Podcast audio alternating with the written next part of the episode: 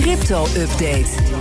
Ja, we gaan naar Herbert Blankenstein, presentator van BDS CryptoCast... onze podcast over bitcoin en andere digitale coins. Herbert, goedemorgen. Goedemorgen, Bas. Ja, JP Morgan komt met, eh, de grote bank in Amerika... komt met een bitcoinfonds zonder bitcoin. Huh? Ja, leuk hè. Dat noemen ze een cryptocurrency exposure basket. En dat is een mandje aandelen waardoor je, zoals dat heet, wordt blootgesteld aan bitcoin. En er zitten dan bedrijven in die iets met de cryptomarkt te maken hebben. Het idee is dan dat beleggers mee profiteren van de cryptomarkt en dat ze dan niet zelf crypto's hoeven te kopen. Ja, dan is de vraag, wat doet die bank zelf? Koopt die dan wel een belang in die bedrijven of kopen ze actief bitcoins?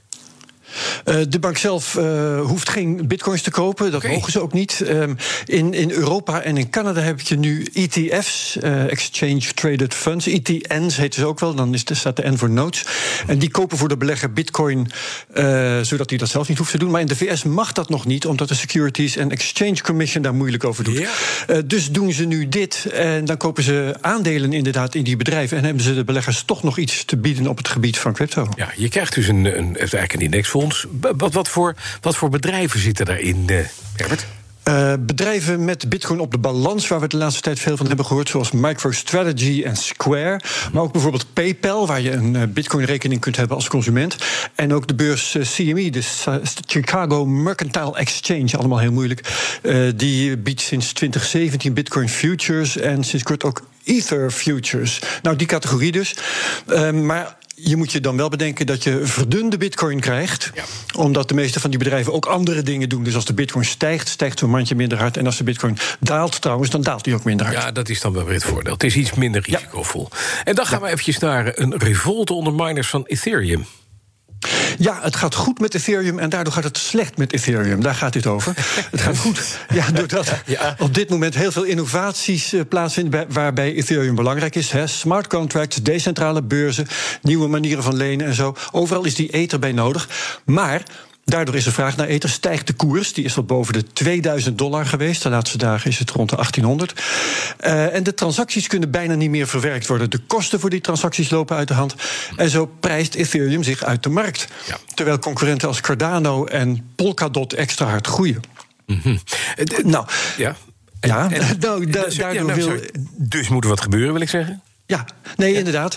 En uh, Ethereum wil dus af van het vastleggen van die transacties door mining. Uh -huh. Omdat mining dus een probleem wordt bij schaalvergroting. Nou, dat zie je ook wel bij Bitcoin trouwens.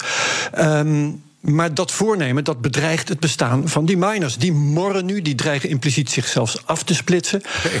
Maar ja, dat is een kansloze actie, want dan uh, ontstaat er voor hun een coin met gunstige eigenschappen voor miners, maar ongunstige voor de gebruikers. En dan weet je wel welke afsplitsing succesvol wordt. Ja. Dus het rommelt wel, maar de, de dagen van mining in Ethereum, die lijken hoe dan ook geteld. wel geteld. Ja. Nog even wat human interest van podcaster Dave Portnoy. Die heeft spijt dat hij zijn bitcoins heeft verkocht. Au. Ja, en hij geeft dat ruiterlijk, ruiterlijk toe. Dat Ja. is wel mooi van hem. Uh, ik heb afgelopen zomer dat hier verteld. Hoe hij vrij luidruchtig voor een miljoen bitcoin kocht. En zich meteen weer bedacht toen die koers eventjes daalde. En toen heeft hij verkocht met nou, enkele tienduizenden verlies.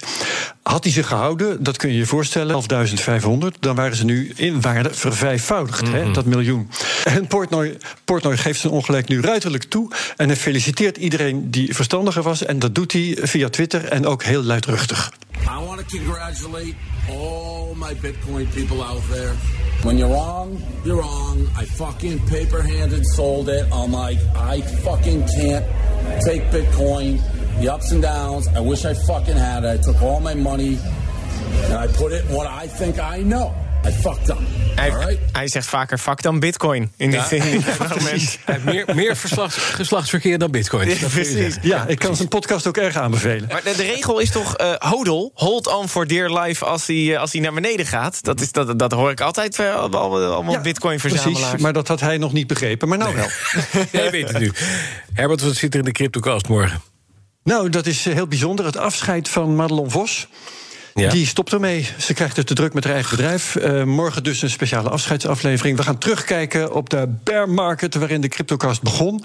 En uh, we gaan ook proberen iets zinnigs te zeggen over hoe het verder zal gaan met crypto. En we doen dat met een mystery guest. Die gaan we pas aan het begin van het programma onthullen.